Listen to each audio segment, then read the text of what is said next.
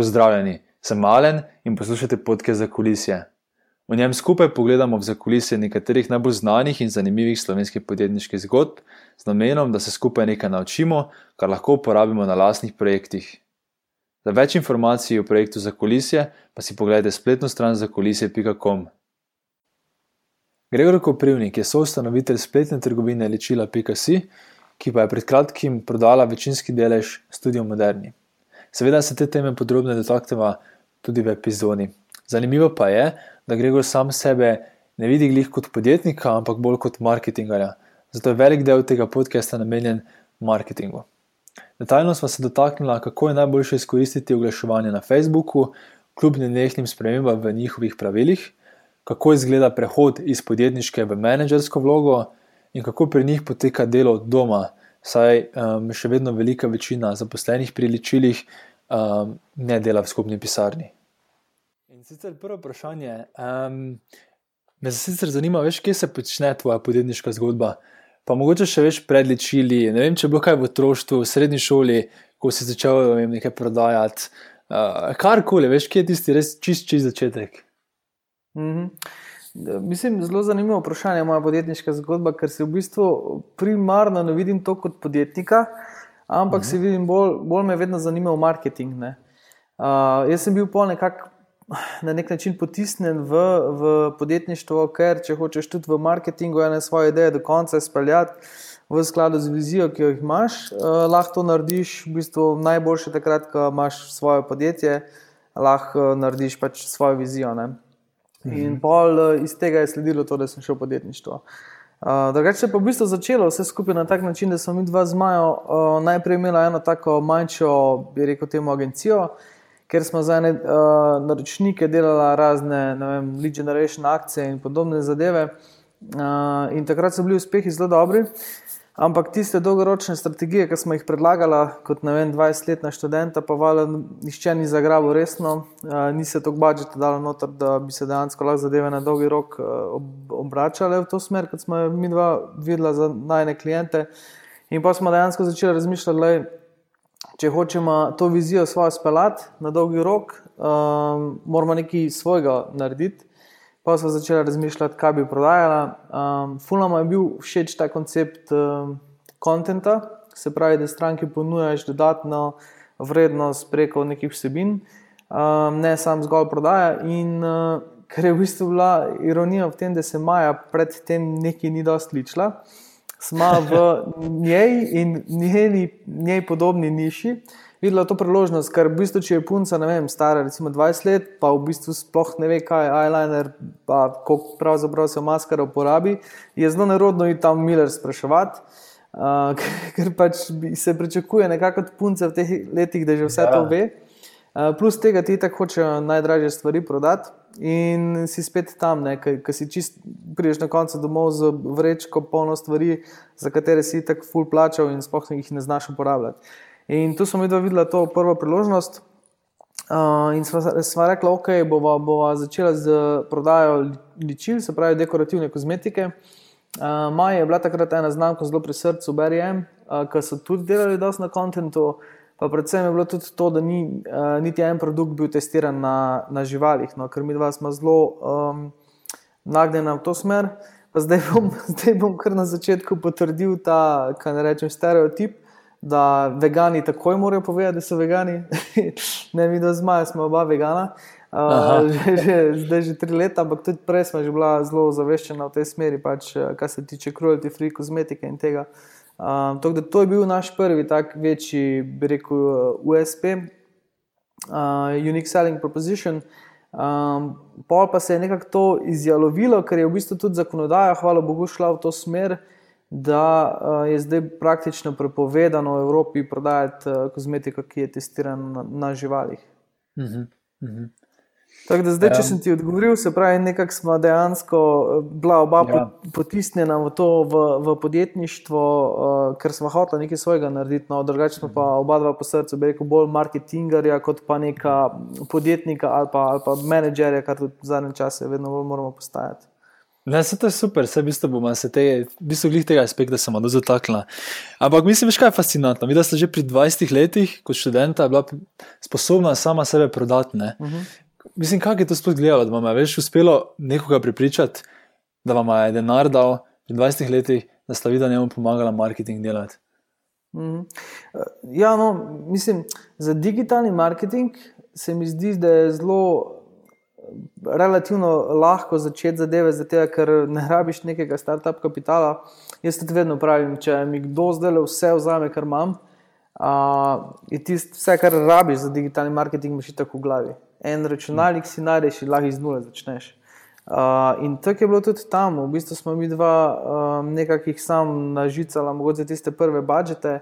Ampak, ko so se začeli rezultati pojavljati, so tudi oni še zraven dajali denar. Ampak ne pa za dolgoročne vizije, ki je bil predvsem recimo lead generation, pa po, potem prek e-mail marketinga na, no, na dolgi rok te stranke pridobivati. Uh, to pa še niso videli, tam je bil ta razkorak. Ne. Ampak se pravi, ne, ne rabiš dosti, ker tudi ne rabiš dosti vlagati, da bi zdaj mogel full prodati zadevo. Uh mhm. -huh. Ampak kje je še tako specifično zanimivo, kje ste sploh našli te prve stranke? Ste dali neko glas? Nekam, ali sta poznala te ljudi, ali sta z spletnim marketingom prišla do teh ljudi. Kako je to izgledalo? Ja. Uh, ne, v bistvu nisem s spletnim marketingom prišla. Ironija je v tem, da če greš na konverzija.com, se pravi, bi rekel, spletno stran naše firme, ne naše znamke. Uh, je gor samo en napis, ki pravi: Kovačeva kobila je vedno bosa, sploh od najboljšega kovača.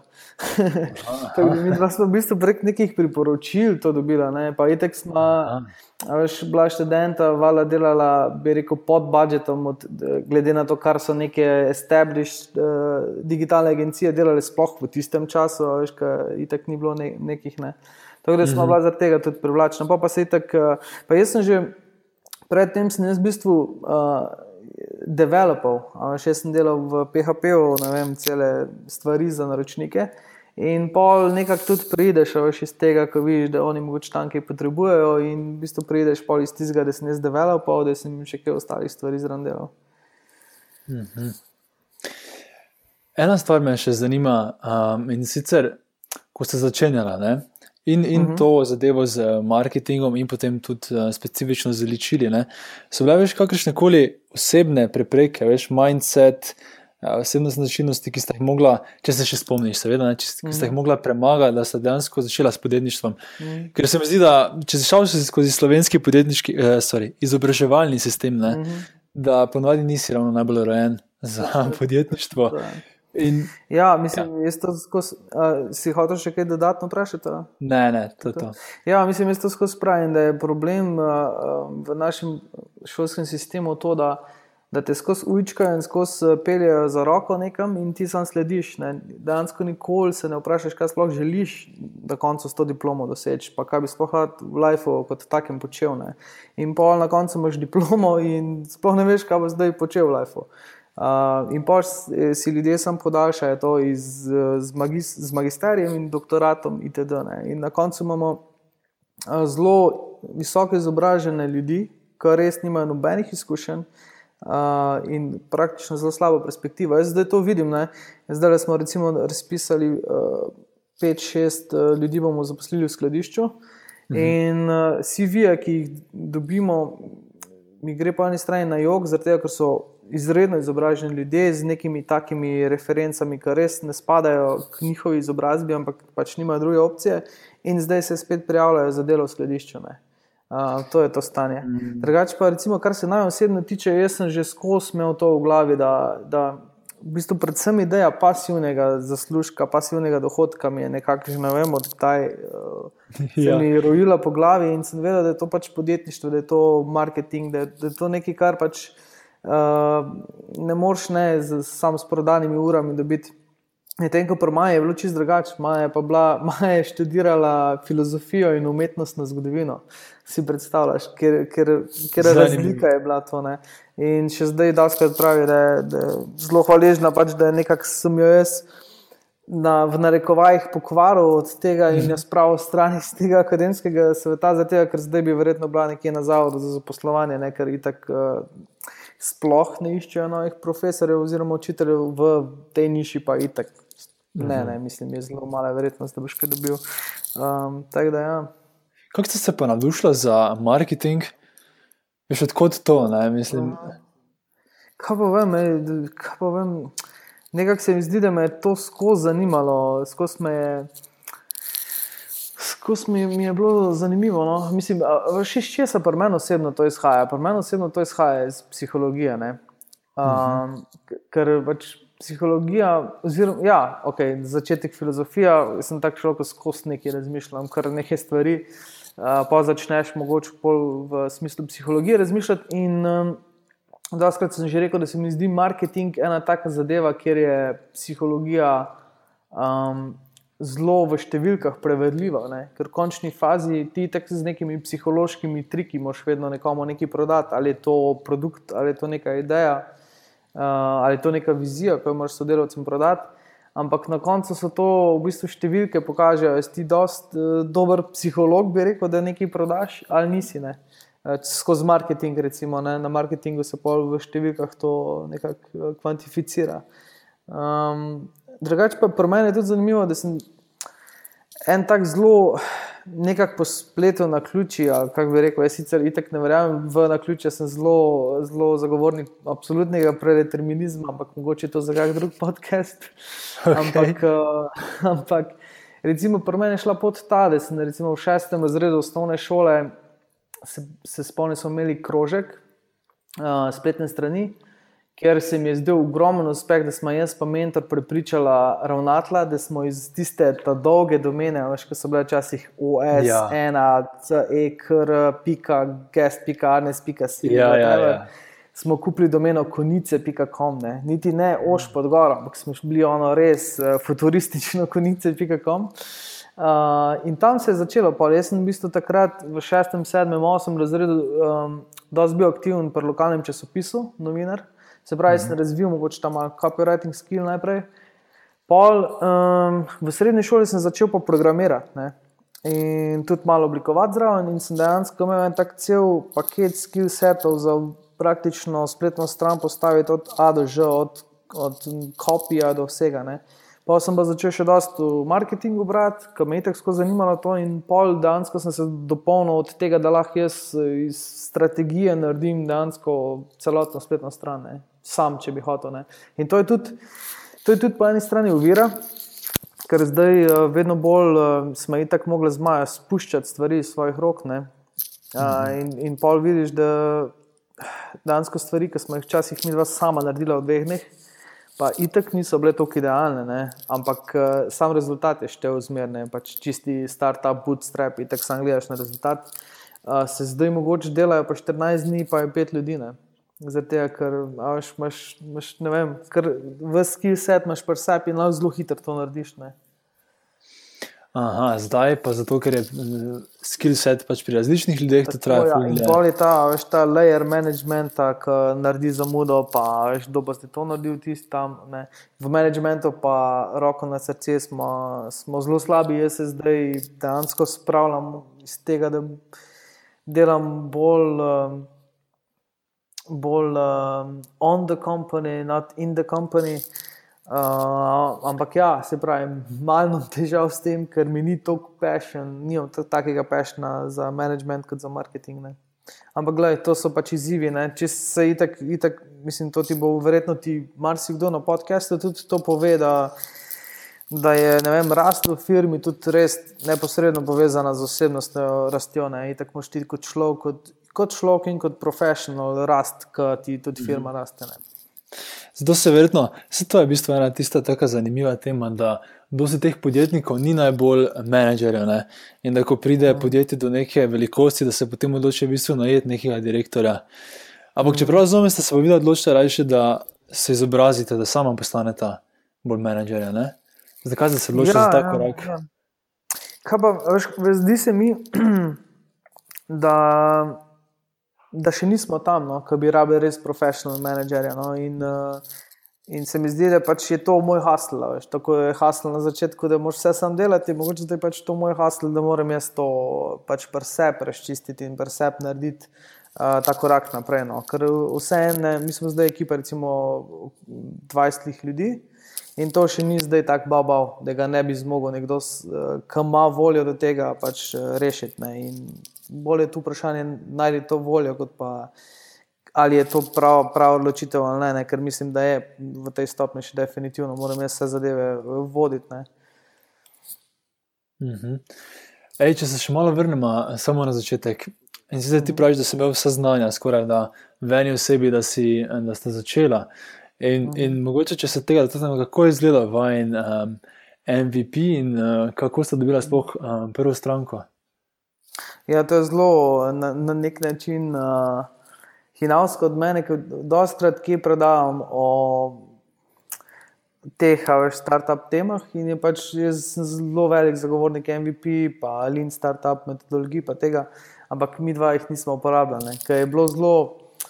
Um, se mi zdi, da vse en, vso teorijo, kar slišiš, uh, kjerkoli, ne si bo to lean startup metodologija, ne si bo to več neke uh, prakse dobrega oglaševanja, recimo na ameriškem tržišču. Ne, Uh, jih moraš čez neko svoje sito spraviti, nekega ne vem, common sense, ali bo to tudi delovalo ali ne, ne. Recimo, tudi, ne vem, imaš Facebook oglaševanje, ki se na 14 dni nekaj novega spomnijo, in so tam neki rezultati v Ameriki, ki pokajo na polno, ampak veš, da na dvomilijonskem slovenskem trgu to no way, da bo šlo. Uh, čeprav je to kao najboljša praksa. Um, in isto je bilo tukaj. Ne? Jaz pač nekako smo bila prepričana v to idejo um, in sva šla ne? na polno, kar takoj od začetka v to. Um, in v bistvu je začetek je zelo zanimiv, ker ja, sem sprogramiral in zdizajniral pač celotno prvo spletno stran. In dva dni pred tem, um, ki bi mogli mi launčati, v bistvu, v bistvu je bilo evo, še en story zraven za sledico. Um, v bistvu je bilo tako, da je od maja mami en prostor najela nekje v celju, ki bi ona mogla za svojo neko turistično skupino imeti tam nek event. In mhm. to je bil problem v tem, da je pol uh, tista skupina ni zmogla nekaj in ona je imela pa ta prostor že plačen. In rekla, nič, bo ta vidva koristila ta prostor za vajen launch event, ki ga je tako drugače ne imela, ker smo bila čist lin. Ampak mi dva, ok, v redu, bomo to koristila. In fora bila v tem, da smo imela pa samo 14 dni časa, da vse zrihtava, ker še nič nismo imela. Uh, tako da smo bila malo vržena voda, zdaj pa hiter plavati. In mi dva v 14 dneh vse to, jaz to sprogramiram, zdizajniram vse. In dva dni pred tem uh, pade site dol, jaz kličem na server, uh, kaj se dogaja. Uh, in oni nas hitro preselijo na, na nov server, kjer pa nič ni delovalo. Ne.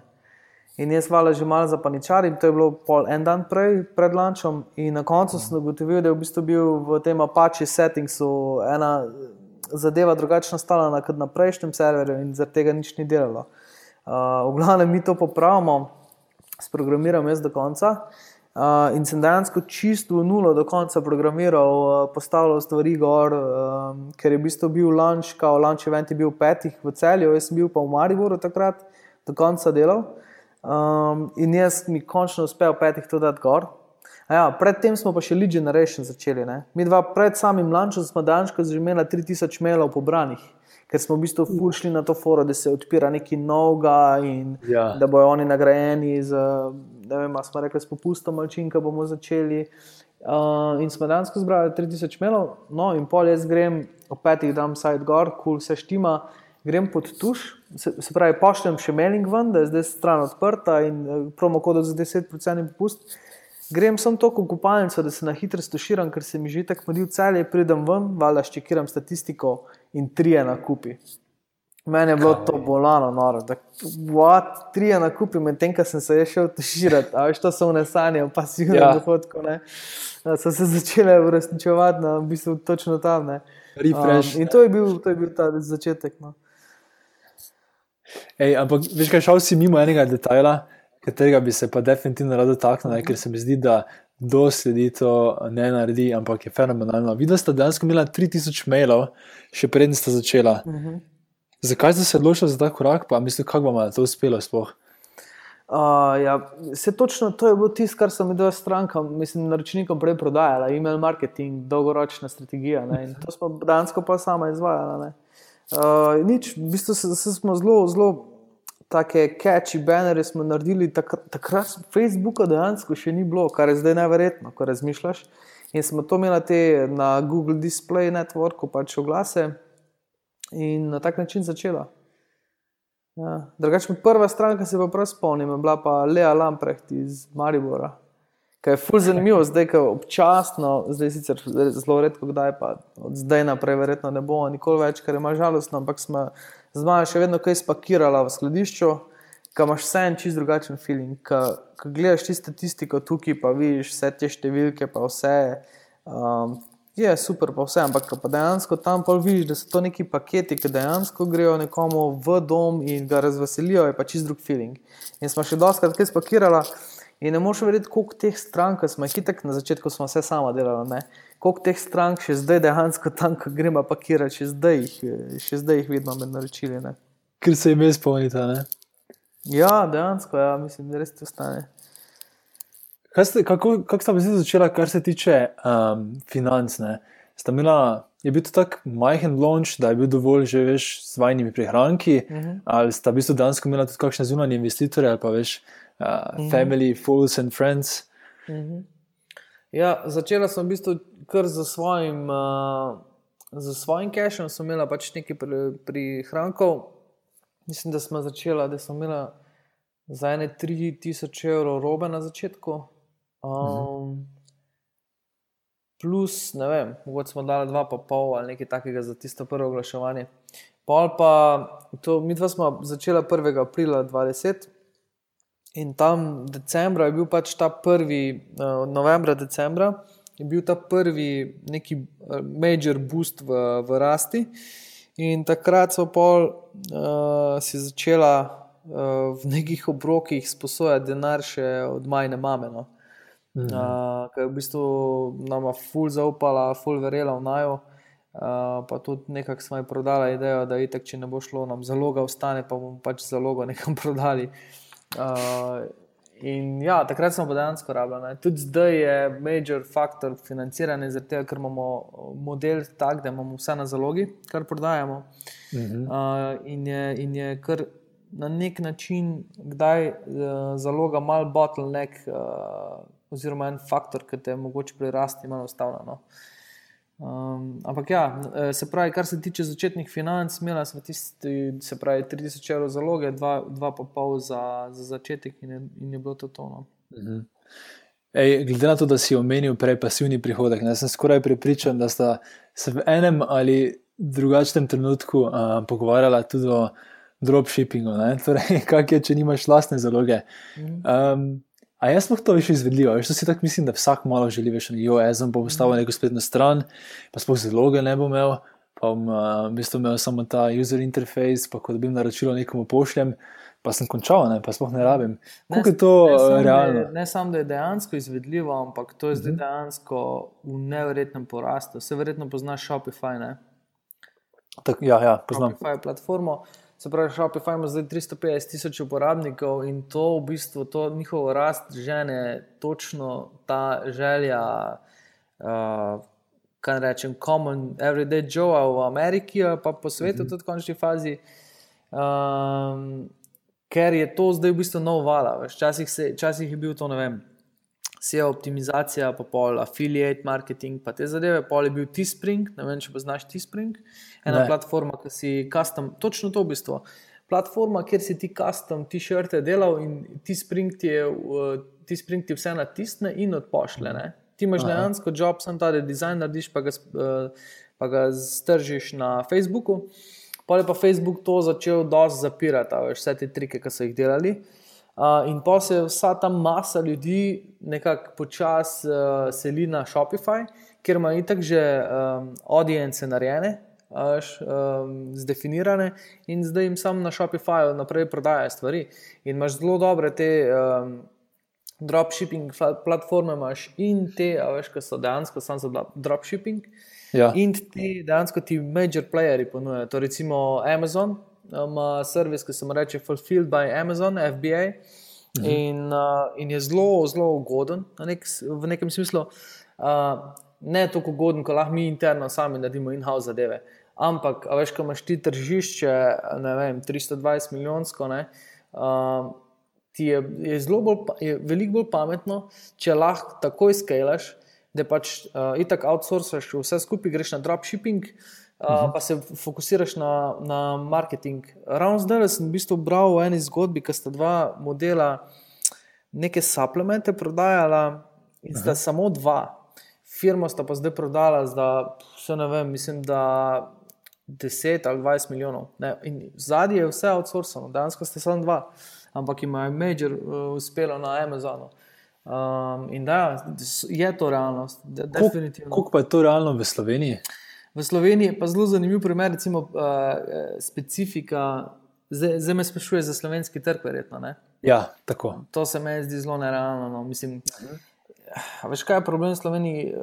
Dosti ljudi se loti spletne trgovine kot. Uh, nekega skoraj hobi projekta, kjer v bistvu eh, oni ne nastopajo kot uh, podjetniki, ampak kot neki dansko trgovci. Veš, kot da bi bil ne vem, nekje v BTC, imel eno svojo malo štracunco, pa da glih tok dobiš, da plačaš najemnino, pa za svojo plačo. Uh, uh, veš, na tak način bi lahko dropshipping delal, ampak kaj več od tega pa ne moreš zaslužiti. No, tako, veš, moraš paziti na vsak evro, uh, kar je zelo, zelo majhen trg. Uh, tako da v Sloveniji ne bi rekel, da je to najbolj. Je pa na, na večjih trgih, pa definitivno je, je to prihodnost. No.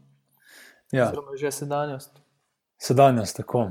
Ja. Um, ampak torej, videl ste šla v, bistvu, torej, v to zgodbo, ko imaš sam vlastno zalogo.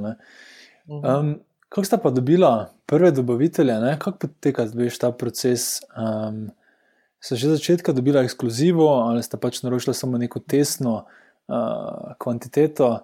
Mm, pa vem, kakšne pogoje sem postavila. Veš, sta dobila na zakup te stvari, sta mogla denar naprej dati, ali, ali, ali ti zaupajo že več kot začetniku dovolj.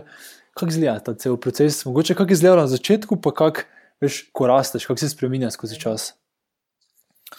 V bistvu ja, je zelo preprosto. Sem začela eh, ta eh, blagovna znamka, konkretno bi to berjem. Še, še ena zgodbica. Mi dva smo se na začetku zelo, zelo odločili, ali bi imela spletno trgovino Beriem.si ali Čila.si. Kar bi bil večer ja. polom, če bi se odločili za Beriem, ki je zdaj mogoče to vem, naša sedma najbolj prodajna znamka, ampak poleg teh imamo še 50 ostalih. uh, ampak ja, na začetku smo. Sem kontaktirala Beriem, tu je pač Maja izbrala, ona se je spoznala na te všeč, je bila in vsebina in njihov pristop in to, da se cruelty free. Pa so pa začela tam naprej iskati nove znamke.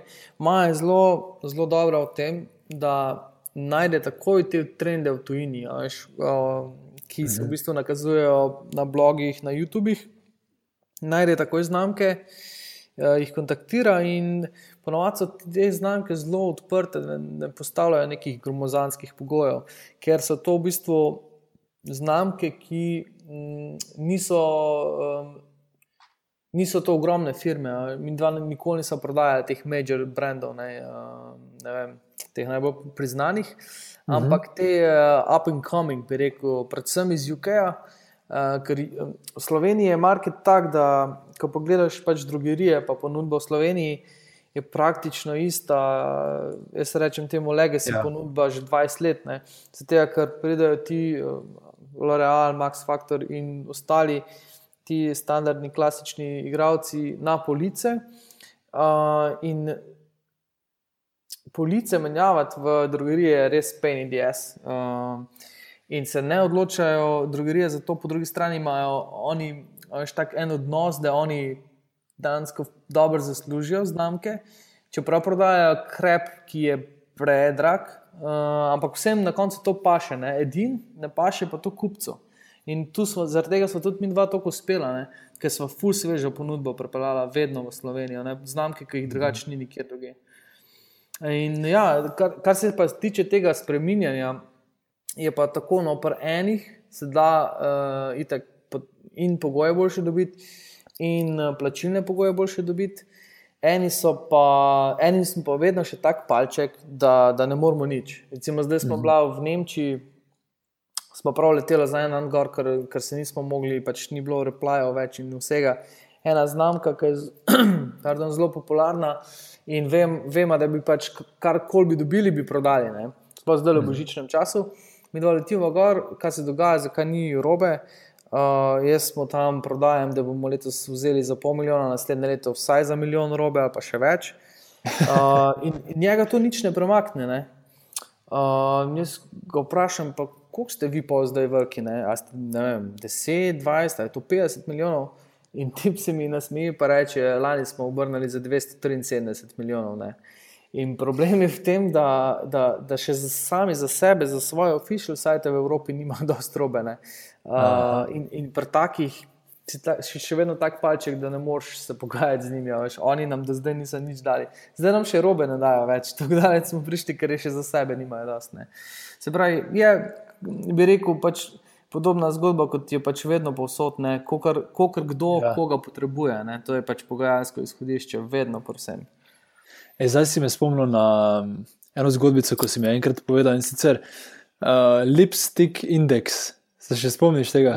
Index, ja, mm. ja, v bistvu videl, da si si ful dobro industrijo zbrala. Ne? Lahko mogoče malo več za poslušalce poveš, kaj ta ja, indeks je. Zdaj se ne bom spomnil, kdo, kdo točno je bil, ampak bil je eden izmed teh uh, velikanov, rekel, kozmetične industrije, ki je v bistvu nekako definiral ta, on je temu rekel, lipstick index in sicer to pomeni da takrat, ko grejo borze dol, se pravi, ko grejo indeksni borzi, uh, indeks, uh, borzni indeksi dol, uh, gre prodaja kozmetike gor. In sicer je zelo preprosta, uh, preprosta razlaga, ker si ženske na mestu, recimo, dražjih oblačil, uh, torbic in podobnega, pač privoščijo več make-upa.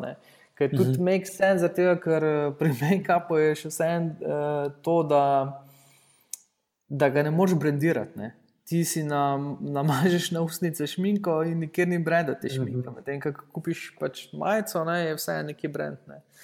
Um, da, ja, in, in, se, in se budžet kozmetika še boljš prodaja. Uh, da, ja, mi smo prišli v bistvu ravno fajn v ta lipstick indeks in ga moramo še naprej, bi rekel. Ne. Je, ker vidiš, da ste začela, mislim, da je še bilo kar malo um, stabilno, ne, vse skupaj. Teda vidiš, da ste že doživela eno en um, tak padec teh borznih indeksov. Ne? Pa se tudi vidva, uh, videla to isto zadevo, ne? torej je lip, lipstick indeks tudi v Sloveniji um, fenomen. Mislim, ja, definitivno smo mi dva na nek način dokaz tega, no? ker mi dva, mi dva prodajemo budžet kozmetiko. Ne? To je zelo entry level uh, cenovno, ampak kvalitete je pa res, mislim, se itak bo vsak to rekel, kako je prodaja, ampak pri nas je res uh, price quality razmerje neverjetno, neverjetno ugodno za kupca, glede na ponudbo, ki je v Sloveniji. Res, by far, mm. smo najboljši. Uh, to, da ja, mislim, je kombinacija, se veš, meni se zdi, da tudi je zelo. Um, neodgovorno, bi rekel, v končni fazi vedno uh, stvari pod en faktor spravljati, ker, ker je vedno ja. več faktorjev. Mhm. Kaj mi je še zanimivo pri vajni zgodbi? Najprej si razlagal, da v bistvu Maja na začetku niti ni to vedela v ličilih. Mm. Um, a bi rekel, bistvo, da vam je to pomagalo, ker ste mogli se v bistvu učiti vse od začetka in ste skozi to imeli dosti večjo empatijo tudi za uporabnike, ali, ali bi rekel, da je bila to bolj ovira? Zelo dobro vprašanje. Ja, bi rekel, da nam je znalo to pomagati na začetku, točno tega, kar si ti rekel. Ne, da imaš uh, ne boljšo empatijo, ja, na nek način tudi boljšo empatijo. Ja. Uh, definitivno pa tudi sam moraš od začetka spoznavati stvari in ja, razumeš tiste, ki jih, ki jih niso. Ne. Kaj je tako pol, uh, prideš do advanced levelov in tudi tistim lahko pomagaš. Uh, uh -huh. Je pa res, da je do znanja zelo, zelo različno, ne, od A do Ž. Uh, Um, je pa vsebine, vsebine je pa zdaj že ogromno na spletu. No. Um, Neverjetno, koliko pač predvsem tudi mlajše punce preživijo časa, pa pregledajo raznih, uh, raznih teh vlogov, pa tega, to je noro. No. Recimo, primer leta, smo, ko smo nemški trg uh, začenjali, je bil na začetku kar relativen flop, glede na market size in vse. Pa smo pa začeli malo pošiljati pakete tem vlogerjem. In je pošljemo eni punci v Nemčijo paket, eni vlogerki in ima v bistvu dva kanala. Enega ima pač bolj za kozmetiko, enega ima pač čisti lifestyle vlog. In ženska dejansko snema čez cel dan neke stvari, kar počne. Jaz ne vem, kdo sploh to gleda. Ampak ja, recimo imamo 100 tisoč subscriberjev. Dala je gor pol urni video, nas je omenila pri 13 minuti za približno eno minuto, sploh ni odprla, pa, mislim, je odprla paket, ampak ne da bi se ukvarjala z, z tem. Dala, dali smo še free shipping kodov in bum, v enem dnevu je bilo 60 naročil a, iz teh nemško govorečih trgov. A, veš, mislim, res je nevrjetno, koliko zdaj, koliko zdaj punce spremljajo te zadeve.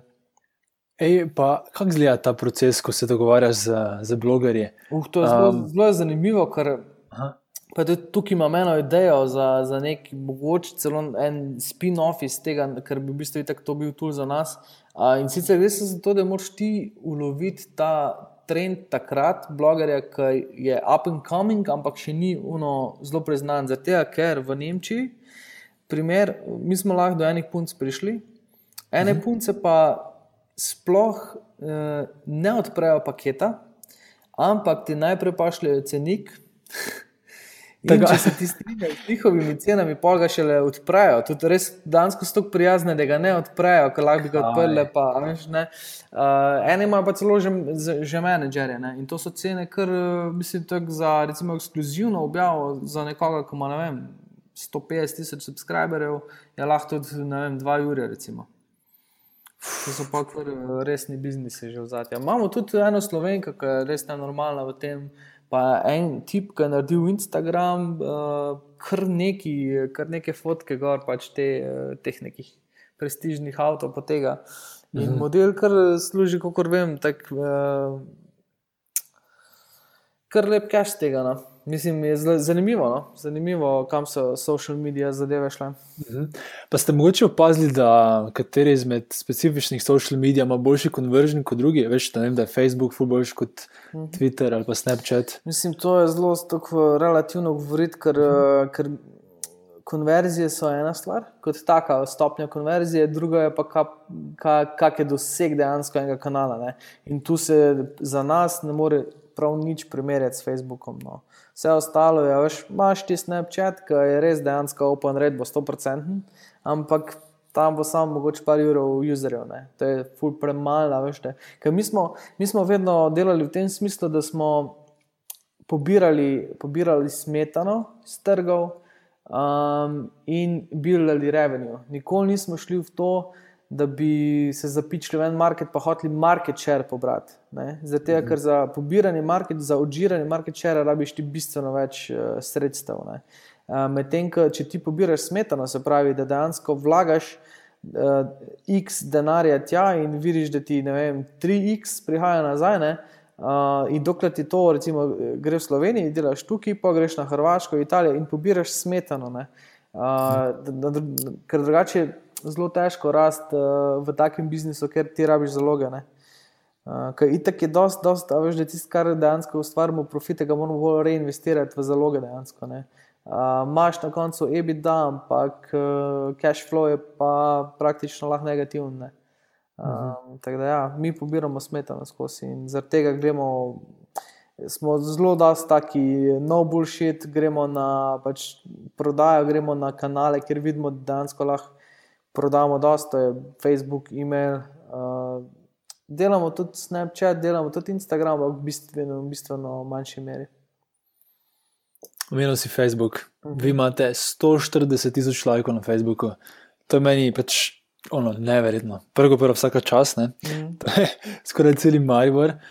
Um, Veš, kaj, veš, kaj je najbolj fascinantno dejstvo?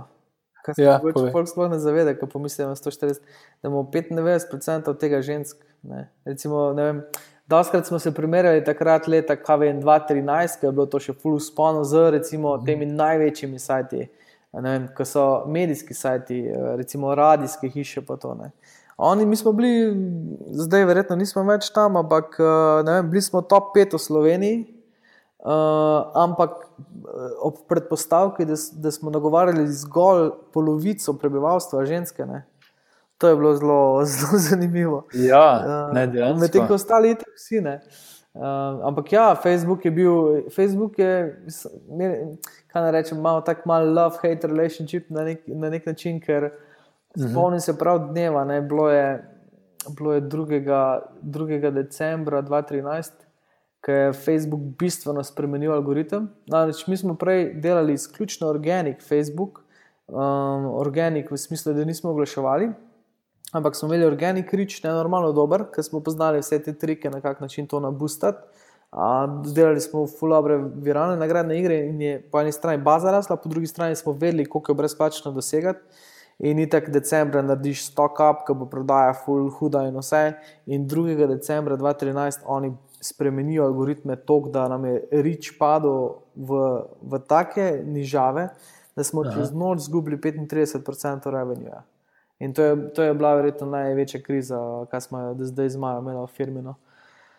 Takrat je bilo kar uh, naporno, predvsem v smislu um, prihodnosti, ki je bila zelo strašljiva. Veš, takrat smo že imeli nekaj zaposlene ja. in, to, to naj je vedno najbolj.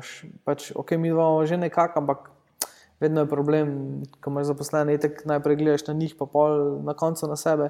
Uh, in takrat je bilo tako hudo, da smo dejansko našega developerja ne odpustili, ampak je tako smo bili frendi in smo rekli, gledaj, Marko, pač taka situacija je tako viš, um, kot developer si tak job najdeš takoj.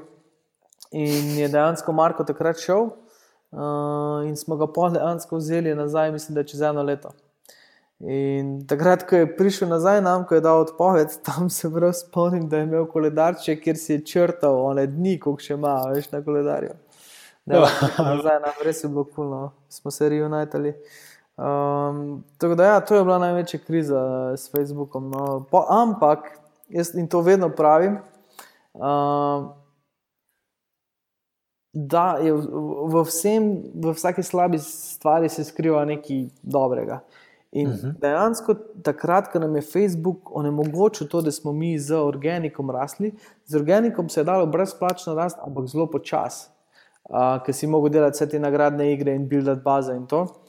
Um, in to nas je prisililo, da smo začeli oglaševati in z oglaševanjem ustvarjati neposreden pozitiven efekt. Ne. In to je bilo super, ker ravno takrat smo vstopali na nove trge in smo Hrvaško in Mačarsko zelo hitro lahko naredili preko oglaševanja, ki bi drugače zelo, zelo trajalo. In tudi uh -huh. to nam zdaj to omogoča, da praktično smo mi profitabilni na trgu po treh mesecih. Ne? Na, na kater koli nov trg vstopimo, smo, smo lahko profitabilni zelo, zelo hitro, mogoče preko wow. treh mesecih. Ampak v to nas je Facebook prisilil. Zgledalo ja. je nekaj zelo slabega, ampak v bistvu je bil to en tak blessing in disguise. Uh mhm. -huh. Facebook, mislim, da kar pogosto spremenja ne? te mm -hmm. terms of use in to v bistvu nas, vas najbolj prizadene. Mm -hmm. Ampak, če bi moral dati nek nasvet nekomu, ki bi rad bi se tudi na Facebooku oglaševal svojo zadevo, ki ni za taktičen svet, veš, ampak je bolj tak uh, strategija, ki, ki tudi ne glede na to, kaj oni uh, naredijo mm -hmm. za svojimi conditions, deluje. Kaj, kaj, kaj na svet bi dal? Mm. Zelo dobro vprašanje. Uh, je definitivno. Ne, uh, da je treba pobirati lide, ne? treba je asete buildati, asete v smislu, um, da, da nekako veš, da ti tisto stane. Ne? Recimo, lahko, to so lahko vem, uh, e-maili, to so lahko v končni fazi telefonske številke strank, uh, push notifications so za en tak nov medij. Uh, te asete čim bolj nabildati. Um, kaj, kaj misliš pod push notification? Push notification je zdaj to, ta nova, nova zadeva, ker če greš eh, na spletno stran, se ti levo zgoraj odpre, veš ta za obvestilo, če želiš, da te obveščamo. Če si mm -hmm. že kaj, recimo Facebook, ima celo, mislim, zdaj ima tako že vsak to. Uh, in gre se za to, da imaš ti push notification, dobiš ali v Chrome, pa mislim, da ga Safari že podpira, ah. uh, plus telefon, se pravi Android, mislim, da iPhone je še ne. No. In fora je tem, da je to zdaj, kaj rečem, Facebook uh, leta 2009, ki si lahko vsak mu vse poslal, uh, zaradi tega, ker Fox se niti odjaviti, pravzaprav ne zna. Uh, in pol dobim jaz od svojega frizerja, on print screen, ono čez celo naš push notification, da me odjavite od tega, ne znam se odjaviti. ja. Tak, da, ja, jaz bi vedno rekel, da se probiš esete buildati, ker esete ja. se ti tiskati ostane, tudi ko te ostali odrežejo. Ne. Če si odvisen od platforme, je to zelo triki, triki, uh, triki tank, ne vem, recimo Zinga, ne, uh, čisto odvisno od Facebooka praktično. Ne. To so take nevarne igre. Ja, ja. glih to, ne, torej, v bistvu strategija je, da čeprav na Facebooku oglašuješ, dobiš nek asset, kot si sam rekel, ki je v bistvu neodvisen od Facebooka, ne, kot je e-mail, ko imaš ti direktno mm. linijo. Okay. Točno tako. v bistvu, kje bi na tej tvoji listi potem ocenil, kako pomembna je mailing lista? Je to res tisti top direct marketing tool ali kaj drugega, ali se vedno spremenja?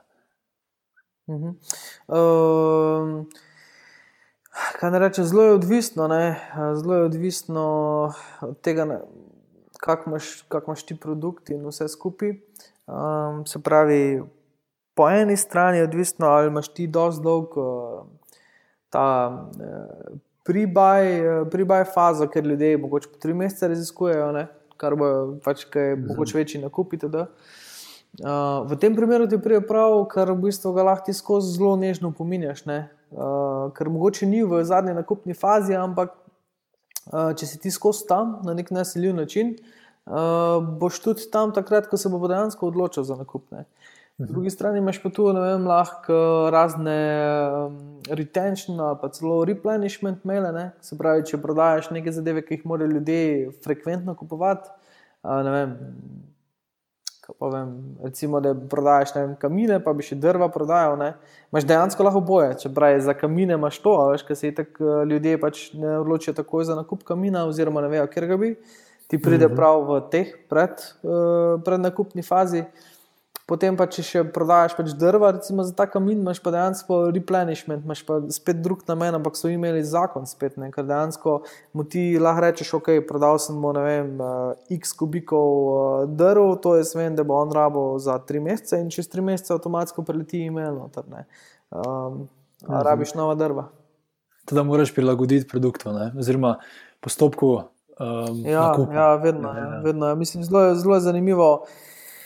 Ker doskrat ljudje nas sprašujejo, zakaj nimamo tistega, zakaj nimamo onega, zakaj nimamo tretjega.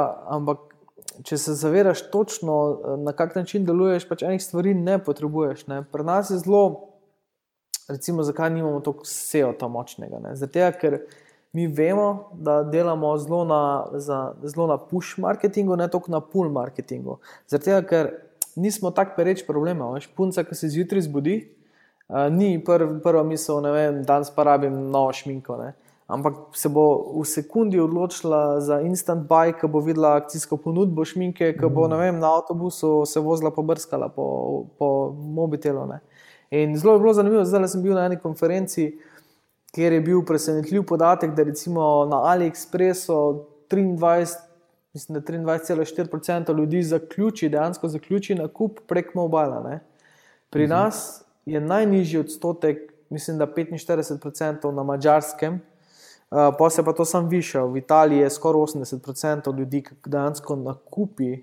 Se pravi, 80% nakupov v Italiji pride iz telefona. Ne. Se pravi, wow. hočem to povedati, da ne moreš nikoli vse v isti koš metati, moraš se zavedati, da uh, se je kul, cool, da spremljaš trende, pa vse. Ampak spet, kot sem že prej rekel, moraš dati čez uh, sito enega common sensa, ali to te pride prav in na kak način to te pride prav, in ali je to pomembno za tebe ali ni, ali moš ti to prilagoditi. Um, kaj ste pa imeli, ste imeli mogoče težavo na začetku, in kak je zdaj, kar se tiče um, nakupa prek spleta in plačevanja, uh, ker se mi zdi, Ko ste začeli, je bilo v bistvu zelo malo ljudi, ki je imelo kreditno kartico oziroma neko kartico, s katero lahko plačujejo prek spleta. Uh mhm. -huh. Se vem, da se da to v Sloveniji zelo enostavno rešiti z um, plačilom po povzetju, ampak potem tudi tvegaš, da človek potem sploh ne plača. Ne? Uh -huh. um, kaj je tu najboljša strategija ne? in kako se je ta zadeva v bistvu spremenila v Sloveniji skozi čas? Zdaj v Sloveniji se je nekaj bistveno spremenilo. No? Zelo uh mhm. -huh. zanimivo, da recimo Hrvati so spet podatki iz konference, zelo boljši cross-border, mislim, boljši, veliko več cross-border kupujejo. Ne. Kar je tudi logično, ker so kasneje prišli v EU, so imeli mejo malo zaprto in so bili prisiljeni se pač navaditi tujini kupovati. Ne. In zdaj so se navadili in več kupujejo, ne. predvsem eBay je nenormalno, nenormalno procent na eBay, dejansko na Hrvaškem. Um, mm. V Sloveniji pa se mi zdi, da je precej bolj zaprt ta cross-border eh, shopping. No, in tudi zaradi tega nam je nekako ta COD ustal, se pravi, cash on delivery po povzetju. Je ostal kot daleč primarni, sicer zdaj le malo iz glave govorim, ampak pri nas bi rekel, da je vsaj 80% plus je še vedno COD. Čeprav, čeprav, ja, ja, čeprav, imamo, uh, čeprav imamo plačilne kartice, imamo PayPal in vse ostale zadeve.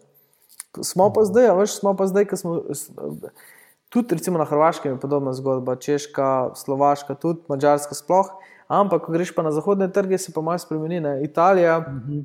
bi rekel, da je ne vem, mogoče pol-pol. Ne. Čeprav recimo poštni provideri so nam takrat zagotavljali, da bo vsaj 70% prepayment, to se pravi s kreditnimi karticami, ampak ni. Um, druga, stvar je, druga stvar je pa Nemčija. Ne. V Nemčiji pa sploh ne ponujamo COD-ja, ker ja. dejansko je to redek, da tudi um, se pravi um, dostavne službe zaračunajo recimo vem, 4 evre za, pa 3 evre pa pol za shipping, plus 4 evre za COD. Ne. Dejansko je še enkrat tako zdraven sam COD. Ja, sploh ne, ne motivirajo te za to. Jaz, jaz lahko iz osebne izkušnje povem, kako sem bil šokiran, um, ko sem pred tremi, štirimi leti šel študirati na Dunaj. Uh -huh. In um, ne vem, kaj je bilo.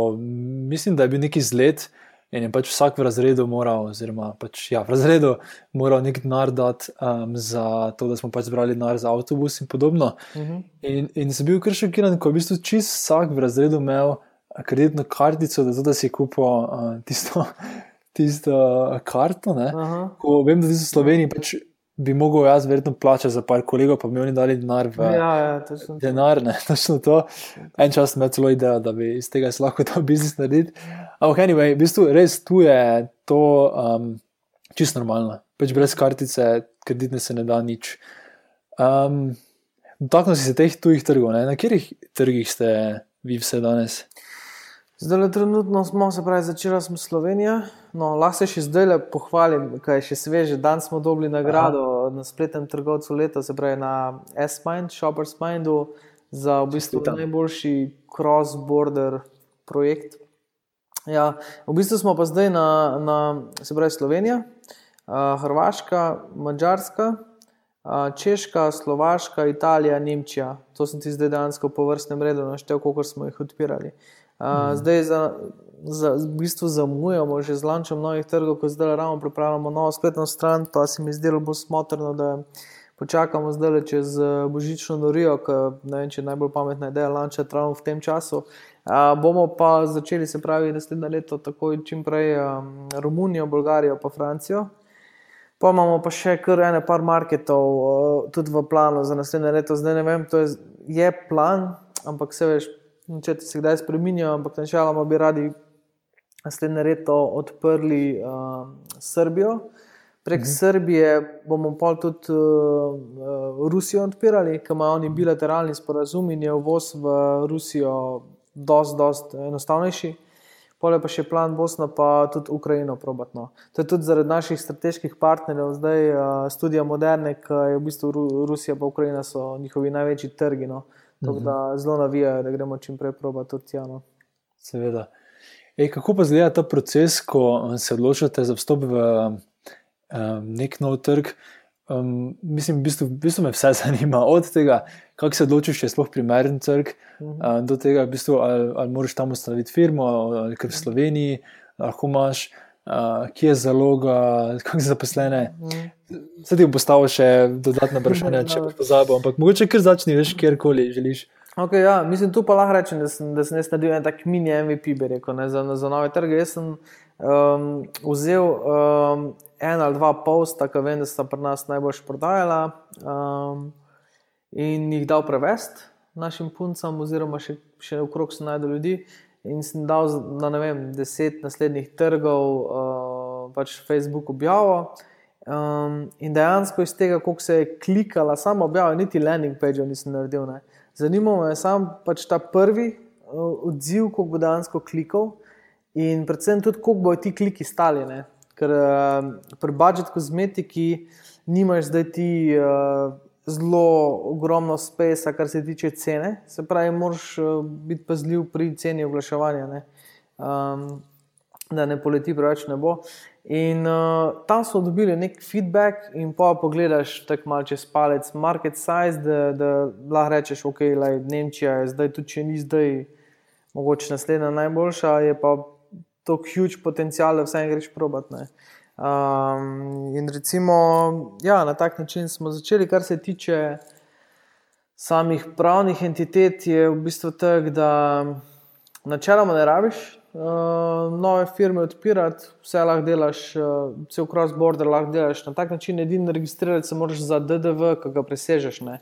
Presežeš ga zelo hitro, ker so praktično posod meje 35 tisoč evrov no, na vseh državah. Ampak to pomeni, da se sam registriraš, dobiš pač lokalno davčno številko. Mi imamo pa še v vseh državah lokalni pač nek računovodski servis, ki dejansko poroča v našem imenu njihovim davčnim oblastem, tam poravnamo DDV in je to to. Pa so še zdaj neke specifike, ki na novo nastajajo in sicer vem, ena taka specifična stvar, ki je tako pač no, spoh, ne vem, če kdo ve, ampak za, zdaj se vzpostavlja ta zakonodaja za okoljevarstvena zakonodaja in odvisno koliko plastike pa papirja prodaš čez mejo, boš mogel tudi tam nekaj doplačati, ampak to je ona scena, veš, ko imaš na tone tega in plačaš par evrov. Ne. Uh, bolj je problem, ne vem, kakšne kazne kaj, dejanski strošek. Um, to, um, kar se zaposlenih tiče, je malo kombinacija, odvisno koliko je kje, zelo, zelo, zelo je kompleksno zaposliti tujca. Uh, se pravi, ta EU ideja o tej nekem Schengenu, ker lahko vsak ne vem, kam potuje in se kar zaposli, je malo na papirju, očitno sam. Um, recimo s Hrvaško, dobro, Hrvaška sicer še sploh ni v Schengenu, je, je postopek nenormalen, če hočeš ti koga. Praktično ga ne moreš, praktično ga ne moreš zaposliti, razen če imaš, ne vem, da si univerza in on na univerzi dela in je ne vem, neka bilateralna. Kar nekaj, res glavnem, zelo je kompleksno, in pol delamo mogoče na način nekih lokalnih SP-ov ali nekaj takega. Uh, Kaj je tako narava dela, tudi taka. Naša ekipa je cela remote praktično. Uh, Um, mi nikdar nismo imeli pisarne, zdaj smo prvič vzeli pisarne, dva meseca jih imamo, pa še to smo več ali manj zmaja sama tukaj. Je pa bolj tek, da če se kdaj dobimo, da imamo nek prostor, kjer se dobimo. Um, drugače pa vsi delamo remotno. Kaj in, in ti ljudje, v bistvu delajo remote, um, imam tu eno specifično vprašanje. Samo. Ti ljudje se reko, ne samo delajo remote, ampak v bistvu imajo tudi uh, svoj SP, preko katerega so potem v bistvu kot neki kot zaposleni pri vas. Ne? Ja, zelo, razli, zelo, zelo različno. No. Eni imajo SP, eni so zaposleni, uh, sicer zelo, vedno bolj gremo v to smer, da jih čim več zaposlimo. No. Um, ja. Pomate um, na vsakem trgu nekoga, ki potem vodi celo zadevo. Uh, in če ja, bi se me zanimalo, kako sploh najdeš nekoga, ki mu lahko do te mere zaupaš, da, da veš, da bo vse laufalo.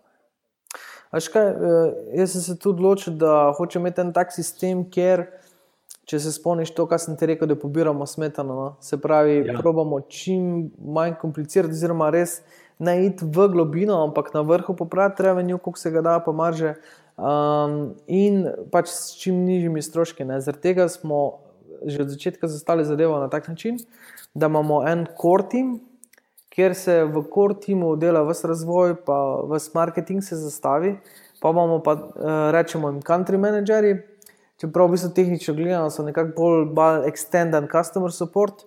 Um, in ti country manageri pa v bistvu samo lokalizirajo zadeve, ki jih mi pripravimo na koro. Uh, zaradi tega ne rabiš eh, kader, ki bi zdaj vladal spletni marketing, ampak nam je zmaja bilo vedno bolj pomembno to, da imajo value set isti, ki smo ga mi dva imela, kar se tiče odnosa s strankami. Ne. Se pravi, da je stranka vedno na prvem mestu, da smo tu zaradi strank. Um, in da stranke absolutno pomagamo, eh, da, pa da smo zle, res absolutno prijazni s strankami, tudi če vemo, da se one motijo ne, v tem smislu. In smo bolj to iskali kot neka več profesionalna skillset. Mm -hmm, razumem. Um, pa dajmo, mislim, rekel si, da vsi delate remote. Um, kakšne tule morate uporabljati, oziroma orodja ne, da, za komunikacijo? Ker mislim, da pač v podjetju, še posebej v mladem podjetju, je zelo pomembno, da da so vsi uh, on the same page. Um, Vse ja, tole se nam zdaj ravno malo breakdown dogaja in zdaj ravno uvajam to neke vrste, v narekovajih, skram, te skram uh, meetinge. Uh, Jutranje, v bistvu bo pri nas tako zelo, da bomo dvakrat na teden imeli, samo da se malo updatemo, pol pa počasi prehajamo v dnevne. Um, ampak fora je v tem, da bi rekel, en tak centralni komunikacijski sistem, ki se vse dogaja, je Slack. Ne. Definitivno je Slack zelo, zelo priročen za te zadeve. Um, tako da Slack, Skype, maili, to je to. Začeli ste pa v bistvu samo kaj, klic, pa mail. Um, in potem v bistvu na zaupanje. Ja. Ne? se, ne moreš več, tista oseba dejansko dela isto. Ja, ti. Ja, mislim, veš, kako smo začeli. Mislim, um, Dansko smo jih najeli na tak način, pač te country managers, recimo za Hrvaško, Mačarsko, se spomnim, sem jaz napisal v angleščini en, uh, en page. Pa sem pa kontaktiral vse blogerje, pa vse, ki so imeli svoje te beauty fanpage. To so bili več mali fanpage, ampak šlo se mi za to, da so oni že svoj interes nekako pokazali, mm. da jih to zanima, da se nekako vsaj basic spoznajo na tehnologijo, pa da jih tako, da jih make-up full veseli. Ne. Dejansko je, je to dream job, veš, če lahko delaš mm. nekaj na socialu, pa make-up related. Ne. In smo najdli v bistvu na, na mačarskem uh, Ester ki je recimo primer uh, dobila nagrado, official nagrado od YouTuba, se pravi od Google, da je mislim, da bila tretja najbolj gledana blogerka v tistem letu. Uh, Medtem ko na Hrvaškem smo dobili pa ultra nadarjeno, make-up artistko, ki je zmagala pa na Ilja Maskinem tekmovanju, svetovnem in dejansko zmagala ne, v Londonu. Um, to pa smo v bistvu, mislim, to je spet take zgodbice, ne pa lepa. Jaz sem enkrat en intervju dal v dnevniku, da bi se radi širili še naprej, da predvsem gledamo to češko, pa slovaško. In pa se nam je Jana v bistvu sama javila, mhm. da, pač, eh, da je prebrala to v dnevniku in da je fully zainteresirana. Jaz smo se z njo zmenili. Pol je v bistvu za Italijo, eh, je pač ta Jana, ki je prišla k nam za češko, slovaško, je imela tam iz prejšnje službe še sodelavko, ki je Italijo pokrivala, Dejo. Uh, in je Deja prišla k nam za Italijo. Za Nemčijo je pa v bistvu moja sošolka iz gimnazije, slovenka. Se pravi, v bistvu imamo ekipo tako narejeno, da sam, se pravi, eh, na mačarskem, pa na hrvaškem imamo lokalce. Um, pol, ja, dobro, češka pa slovaška je Jana, ki v bistvu živi v Ljubljani. Sicer je slovakinja, ampak je študirala v Pragi, tako da vlada vse tri jezike uh, in, in je zelo fajn. Pa imamo pa še Dejo, Deja je iz Nove Gorice, se pravi, že tako malih nog italijansko, pa tudi študirala je to. Uh, Helena je pa tudi študirala nemščino. No. In recimo tudi za Francijo, na zadnji, bila smo na sestanku z vendorjem, enim, pač se pravi, enim brendom, ki ga kupujemo, uh, ki ga prodajamo. V bistvu. In so rekli, da je Francija en tak eh, market, ki je, je en zelo velik gap, ki se ga da fajn za, za filat. In jaz že, na, jaz že dejansko na letališču. Uh, ko hodimo v vrsti na security, check, na security checku, napišem na Facebook, pač, da iščemo nekoga za Francijo. In pol je dansko Tilen, ki ga je tako poznaš. Ja. Uh, predlagal Ano, ne? Ano Reisman, verjetno poznaš. Ne, ne iz Maribora, zelo simpatična punca. V glavnem, uh, in smo se z Ano dejansko tam na licu mesta, dejansko v petih minutah zmenili. No? uh, da prije na sestanek in je imela zelo pravi vibe, in, in bo zdaj za Francijo. Imam pa tudi ogromne načrte z njo, pač za kor, uh, v kor timu jo uporabiti, ker je zelo taka fajna za social medije, ima dober občutek pa za stranke. E, ful pametno, mislim, da je zelo targetirano. Mislim, zelo, mislim, nekako se nam, k nam hodijo skozi, res neverjetno. To je res kul. Cool. Mm. Ta remote delo se v bistvu sliši kot uh, fuldo zadeva. Ne? Pa se mi zdi, da zelo ljudi bi to rado uh mhm. -huh. delalo remote. Ampak veš, kaj so res prednosti, pa kaj so slabosti tega, zdaj, ko mhm. imaš toliko izkušenj s tem. Zelo zanimivo vprašanje. Ne? Teoretično bi vsakdo rekel, da ja, je produktivno, zagotovo ni tako dobro, da delaš remote. Ne? Ampak ravno par mesecev nazaj sem bral, mislim, da so na Stanfordu delali študijo, ki je pokazala, da je v bistvu remote workeri delajo 17% bolj učinkovito. Ne? Kar se mi po eni strani zdi logično, zato, ker vse skupaj gre v te uh, open space office, ker se mi zdi, da se folk konstantno neki moti, razen če ima slušalke gor. Uh, in verjetno pač remote worker je toliko bolj hvaležen, da ima, ne vem, až free time, kadarkoli ga lahko ima. Uh, ampak se, se s tem hkrati se zaveda, da bo bolj odgovornosti, da vse en test, ki mora biti narejen. Zato, ker če nekomu toliko zaupaš, da bo dejansko test naredil, jih mora narediti, drugače pač ne bo to funkcioniralo. Medtem, če je nekdo skozi v pisarni, se mogoče mhm. malo šlepa na to, da je tak šef misli, da se ne skozi tukaj prisoten, ne rabi zdaj to efektivno delati ne? v tem smislu. Drugače pa, kaj so prednosti in slabosti? Slabosti so definitivno to, da uh, ne moreš, mislim, zelo teže je neki kultur, uh, uh, se pravi, organizacijski kultur delati, uh, ker si pač remote, ker se ne vidiš vsak dan. Um, To je ena stvar, druga ja. stvar je mogoče projekti. Včasih se zelo, mislim, itek se kaj lažje zmeniš uh, pač v živo. Um, drugač pa, kar se po remote prednosti, so pa to, ja, pač zelo je bolj praktično, če mora on nekam skočiti, ima neko pravko, kaj takega. Ne. Uh, tudi, recimo, pa imaš pa i tak te prkse, ne vem, če rad uh, potuješ, praktično delaš od, od, od kjerkoli na svetu. Mm -hmm. um, Zdaj imam še eno vprašanje, glede vajenega začetka z, z Majo, spet mm -hmm. malo zamenjam temo. In sicer, um, Um, Imáš kak na svet glede vstopa v podjetništvo? Uh, Mi, da ste bila takrat fan pa punca. Imáš kak na svet glede uh, tega, če svetuješ ali odsvetuješ, da se gre v neko skupno zgodbo z, z partnerjem, ali je to fanta, fan punca ali je to mož žena. Um.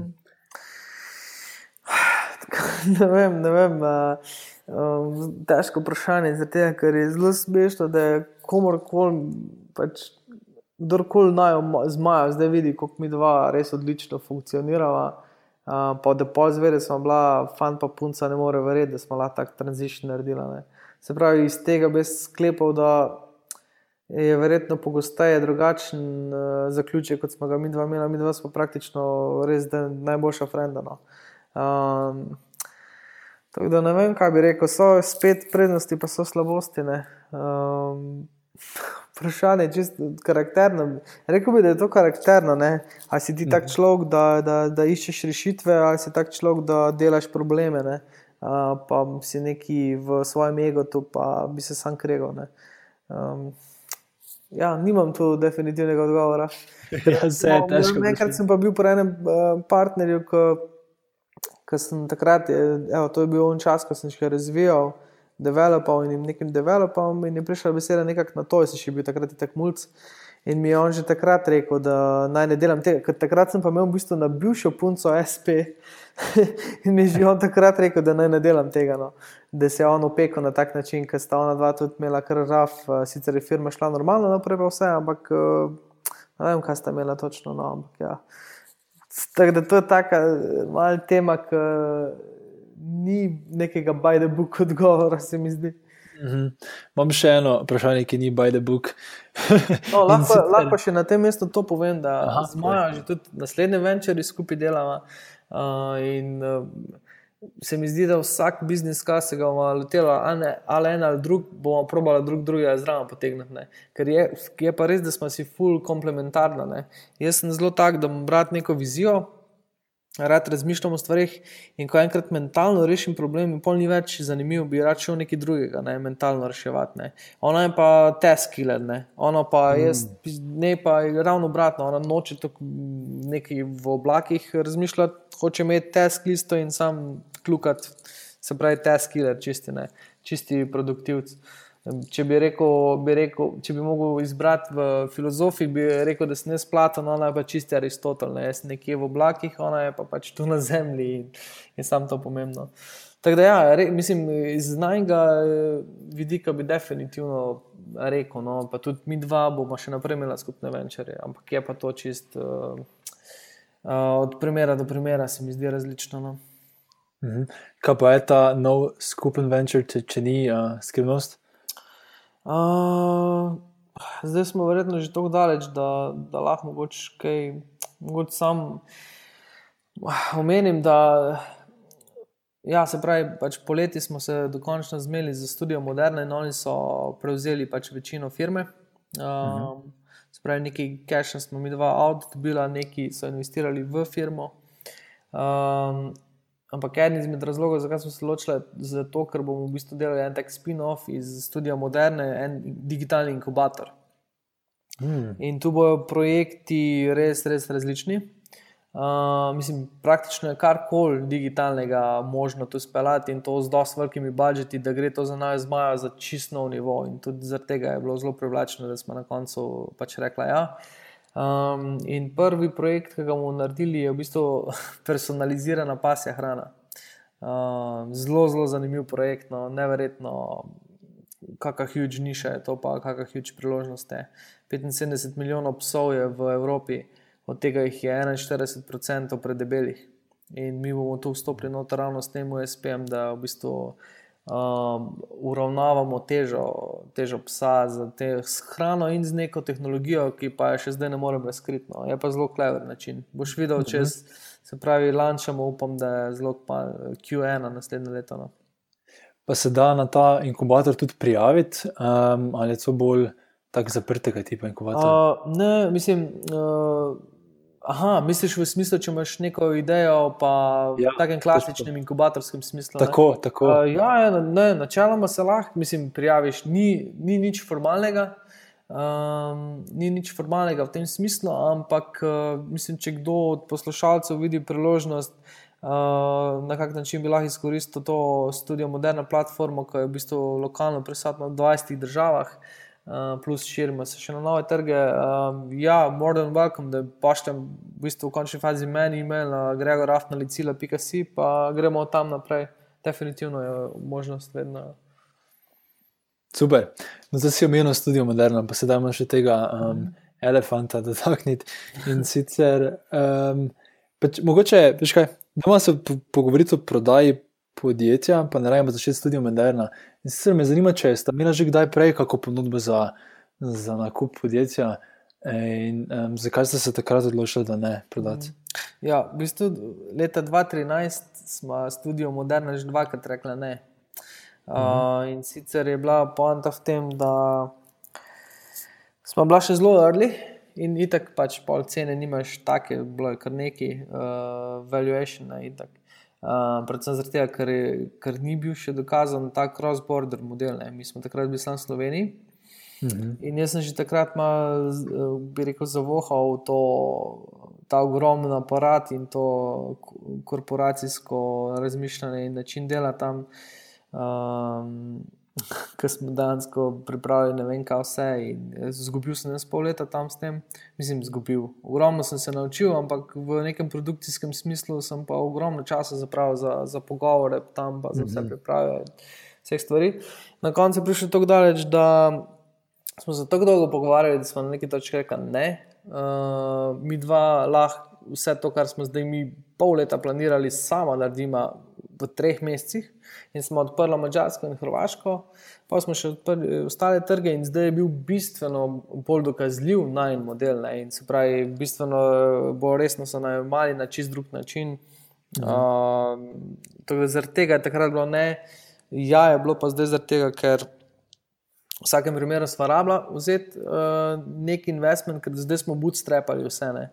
In ko ti stok, stok size raste in raste, pač ne moreš več tega sam.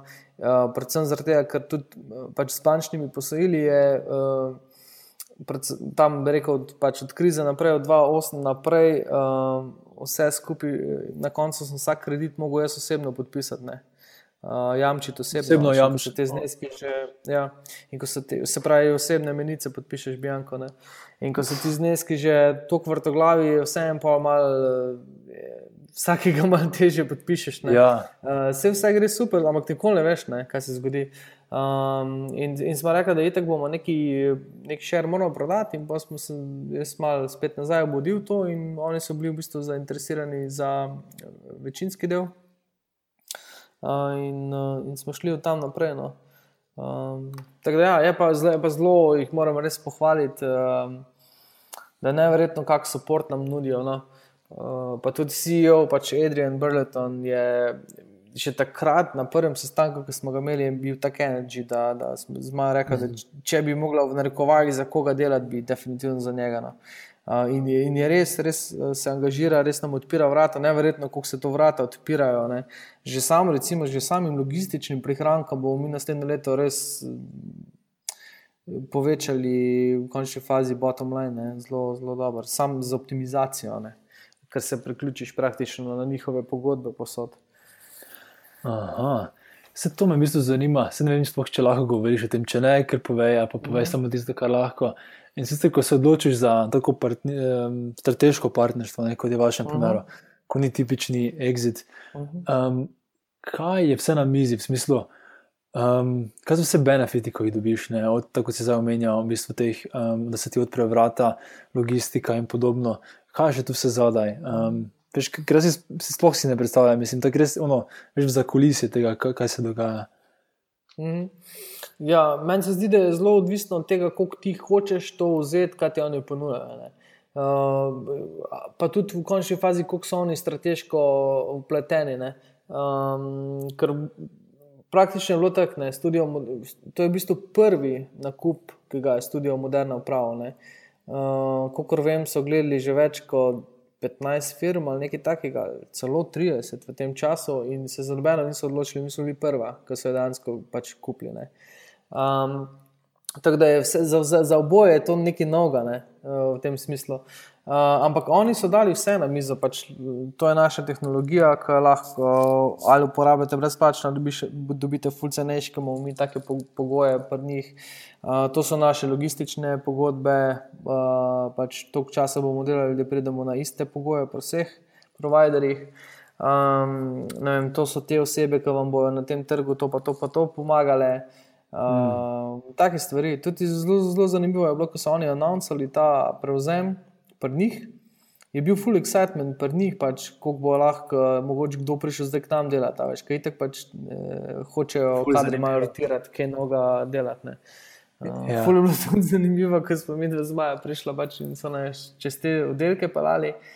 Prva stvar, kar mi je bila zanimiva, je bilo, da da je bil en tak mentalni preskok, kaj rečem. Malo sem bil žalosten, ker je prvič pač na tak. Jaz, jaz sem zelo tako oseben. No, in mi je kul, cool, da pač, ko pridem v neko sobo, ne vem, da lahko vsakega poznam, vsako dan roko, uh, tam pa je to impossible. Tam pa je, veš, ko vidiš, da okay, tu pa je zdaj, ne vem, samo v tej stavbi dela, recimo, mislim, da 500 ljudi drugače ne mhm. vem, na studiu Moderna 6000 plus ljudi.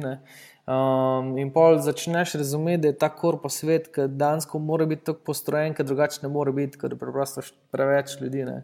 Uh, in je bilo malo na bed, da ne morem zdaj vsakmu posebej dati roke, da jim sam kimam tam čez sobo. Veš, uh, to druga stvar je pa bila ta, da vem, smo prišli recimo, na IT oddelek, kjer imajo oni, ne vem, par deset developerjev, da ne bom zdaj točne cifre rekel ko smo razlagali, kaj smo mi z enim developerjem naredili, so naj kar gledali, ne malo občudovali. Zanimivo. Ampak to je spet tisto, veš, kot sem ti na začetku rekel. Ko imaš manjšo ekipo, pa celo en sam dela, ne, lahko je fulbo produktiven. Pa ko se pa začne ta management layer, ne, se pa produktivnost dejansko zniža ne, na neki točki. Malo se vidi, mogoče neko vizijo glede tega, koliko. Še se mi zdi pač ena stvar, da vsi razmišljajo o tem, kako veliko film bi radi imeli. Mm -hmm. Ampak zdaj, glede na to, da si omenil, da bi se da z manjšo ekipo več narediti, da si mogoče postavila nek cilj, veš, do te velikosti pa greva, mm -hmm. zato ker bi rad imel osebni stik, prek tega pa ne grem. Mm. Um, ne, dejansko nismo nikoli o tem mm. razmišljali, ampak je pa res, da že zdaj, žal, ne moramo več toliko stika imeti. Malo smo mm. mogli razparcelirati firmo, zato ker so pač take banalne stvari, ki jaz mislim, da je zvenim malo dušbek, ampak pač rečem banalne stvari, s katerimi se jaz ne morem ukvarjati. Veš. Kaj se na customer supportu dogaja, pa na kak način se to rešuje, to pač res, res ne morem. Ne. In pol je dejansko zdaj pač sodelavka, ki je pač head of customer support in se recimo punce, ki so country manager, ki direkt na njo obračajo, nikoli več na mene. Ne.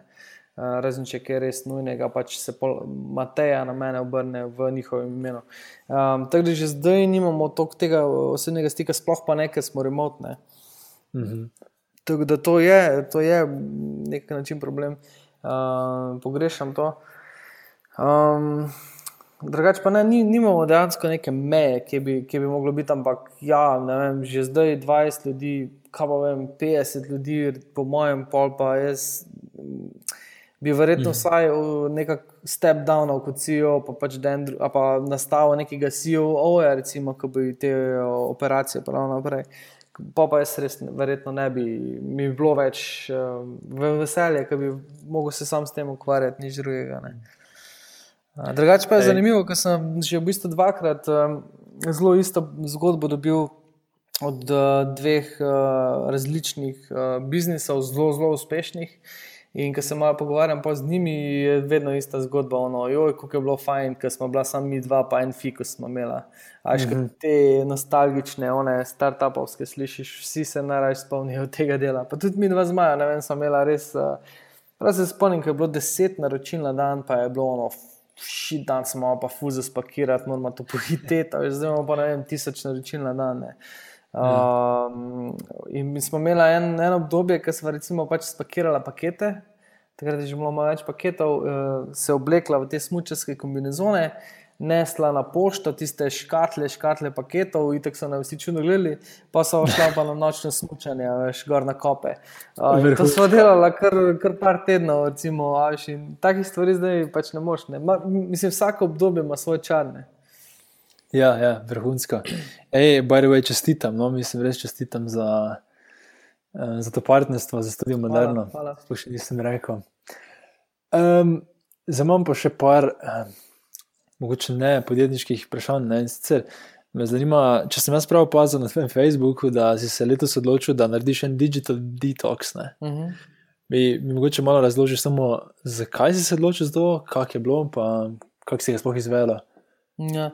Uh, odločil sem se zaradi tega, ker sem nekako pri sebi začutil, da sem čist preveč notor pet v to in da mi je bil en to en tak escape channel, štistka ker ti možgani en buffer dela in pol že avtomatika vklopi in ker greš na Facebook, za brez -hmm. veze, ker nič ne rabiš tam videti. Ja, ja. Um, in uh, pol je v bistvu bilo tako, da sem svoji, kaj ne rečem, prijatelji, slash cimri. Uh, rekel, da bi rad jaz to naredil, in da, da sem se v bistvu prijavil noter. Uh, in sem rekel, da jim je vsa gesla spremenila ona spremenila gesla in se odjavila. Tako da sem ono imel hard exit, ni bilo nič več. Yeah. Ja. Uh, ničesar, se pravi, skenil sem Facebook, Snapchat, uh, Instagram, vse, vse. Uh, pol sem s časom nazaj, Facebook, požgal, ker imaš Messenger, je problematičen, ker ti folk tja piše in uh, rabiš koga, kje, kdaj in ga imaš sam tam. Uh, Uh, da zdaj sem nazaj na Facebooku, ampak vidim, da je bistveno manj uh, odvisnosti, bi rekel, kot je bila takrat. No. Kako pa je trajal cel eksperiment? Jo, po mojem, je bilo to vsaj kak mesec. No. Mislim, sej, recimo Instagrama, pa Snapchata še zdaj nimam, pa jih verjetno nikoli več ne bom imel, no. Uh, ker ne vidim pač neke potrebe po tem. ja, imaš potem preveč kanalov odprtih. Ne, v bistvu ja, pa tudi nekako se mi je, mislim ko sem s to prijateljico enkrat šla čez moje fotke, uh, se mi je začela smejati, pa ti, kaj se smeješ, ja, gledaj na vsaki fotki imaš selfije. Mi je res bilo ti smal, a, a to dansko ti trenutke za sebe zbiraš, ali, ali imaš mogoče malo ego potrebe, da pokažeš, kje vse si, pa te zadeve. Uh, in sem pa rekel, imam sam pri sebi, smo res ne vem, kam jaz to, v katero smer jaz to pelem. Uh, nočem biti, eh, ko vidim, da je ogromno folka, ki ima te konstantne poste, sam, ki so. Vse, kar, kar se da pokazati, pokažejo. Uh, mm. In nisem hotel postati kaj takega, ne? tako da sem se skinil dol iz vsega tega. No. Ja, fulko, jaz to definitivno podpiram. Tudi tud sem že proval podobno zadevo, pa namerno tudi v bistvu um, ne uporabljam. Um, Čeprav v bistvu sem si račun vedno naredil, vseh teh zadev, in Snapchat, in Twitter, in Instagram, samo to, da vem, za kakšno tehnologijo gre. Uh mhm, -huh, Ampak uh -huh. enostavno je preveč kanalov, da bi vse zdržal kvalitetno. Ja. Zaradi tega imam samo enega, pa ta um, glavnega, Facebook, torej čisto isto kot ti, pa je to to. Um, ej, katere tehnologije, eh, tako prihodnosti, ne, torej tehnologije, ki se v prihodnosti še bolj razvile, mhm. -huh. te pa najbolj zanimajo in vidiš v, bistvu v njih največjo priložnost. Omenjal si v bistvu ta vaš digitalni inkubator, uh -huh. um, mogoče glih v to smer razmišljate. Ne? Kaj misliš, da ima največjo perspektivo za prihodnost? Zdaj, mislim, kar se tehnologije tiče, same tehnologije kot take, je itek na dlani VR. Ne? VR, mm. ali to gre za 100% VR, ali gre za augmented reality. Um, se mi zdi, jaz ne vem, mislim, to je zdaj. Uh, To je zdaj tako zelo težka tema, kaj se je zgodilo, oziroma eh, neka ugibanja. Ampak jaz imam občutek, da bomo ljudje res kar zbežali v te virtualne svetove, ker ti praktično mogoče je kar koli. Se v končni fazi ti, eh, kot potrošnik, eh, si vse en kupuješ neke izkušnje. Ne? Če bo ta virtualna izkušnja tako dobra, kot bi bila pač fizična izkušnja, zakaj ne bi šel po virtualno, ki bo bistveno cenejša. Ne? Recimo, vem, primer, ki ga vedno dan, ko se pogovarjamo, to z družbo je. Uh, ti boš, recimo, enkrat se spomnim, v srednji šoli sem hodil po knjižnici, uh mhm. -huh. pa mi je kar ono, ono kapnalo, šit, tu je toliko knjig, tu je toliko znanja, mene vse to zanima. Ampak če grem zdaj vse to brati v life, ne bom mogel tega prebrati, pre, fizično. Ne. Ja. In podobno je recimo z izkušnjami, s potovanji ali pa recimo z nekimi kulturnimi izkušnjami, ki jih hočeš doživeti kot turist. Recimo, ne, Uh, jih boš lahko z VR-jem praktično skakal iz ene izkušnje v drugo. Poš, vem, v beduinskem šotoru pa jedel večerjo z njimi, pa boš pa mhm. skočil vem, k Indijancem tam na pipa. Mislim, uh, tu se mi zdi, da se pravi, VR bo odprl ene stvari, ki jih dejansko fizično ne bi mogel narediti, ko boš lahko praktično preskakoval čas. Uh, in izkušnje, takoj padal v izkušnjo, brez vsega balasta okrog tega. Ne. Um, kar, se to, kar se marketinga tiče, ne vem, uh, ampak če bo prišlo do tega, da dejansko to zdaj neka nova prevladujoča platforma, pa bo itek audience tam in se bo itek marketing v vsakem primeru okrog tega razvil. Um, v tem trenutku naj je z Gregorjem prekinila internetna povezava, oziroma slaba internetna povezava, tako da smo mogli nadaljevati po krajšem premoru, tako da boste mogoče opazili malo um, razliko v kvaliteti zvoka. Ja, to se zgodi, če se intervjuji snimajo, snimajo preko spleta. Um, do zdaj smo bili kar srečni, da se ni veliko krat zgodilo. Um, ampak gremo kar naprej z, z samim intervjujem. Pač ja, prej nam je malo zmanjkalo povezave, da bomo zdaj kar nadaljevala. In sicer um, gremo te na kar naprej zadnje vprašanje. In, naprimer, to je malo hipotetično vprašanje. In sicer uh, predstavljaj si, da moraš zdaj z nule začeti da nimaš niti denarja, nimaš niti uh, ves, ne? imaš pa 5000 evrov, mogoče rečemo na računu, in se odločiš narediti neko novo idejo. Ne? Kaj bi naredil? Kaj bi naredil? Uh, zdaj, mogoče da bo uporabno vse, da no, bi rekel na tak način, pa jaz to mladim vedno povem. Da naj uh, probajo iskati uh, globalne niše, se pravi, da najdeš nekaj uh, na globalnem marketu in hkrati nekaj, kar je kar precej niša. Uh, ker če boš najdel to nišo, boš imel dosti passionate buyerja, um, ki ga boš tudi lažje razumel, on ti bo več feedbacka dal, uh, boš boš komuniciral z njim, ko boš lahko ne vem, imel to interno komunikacijo oziroma neke interne fore za svojim userjem.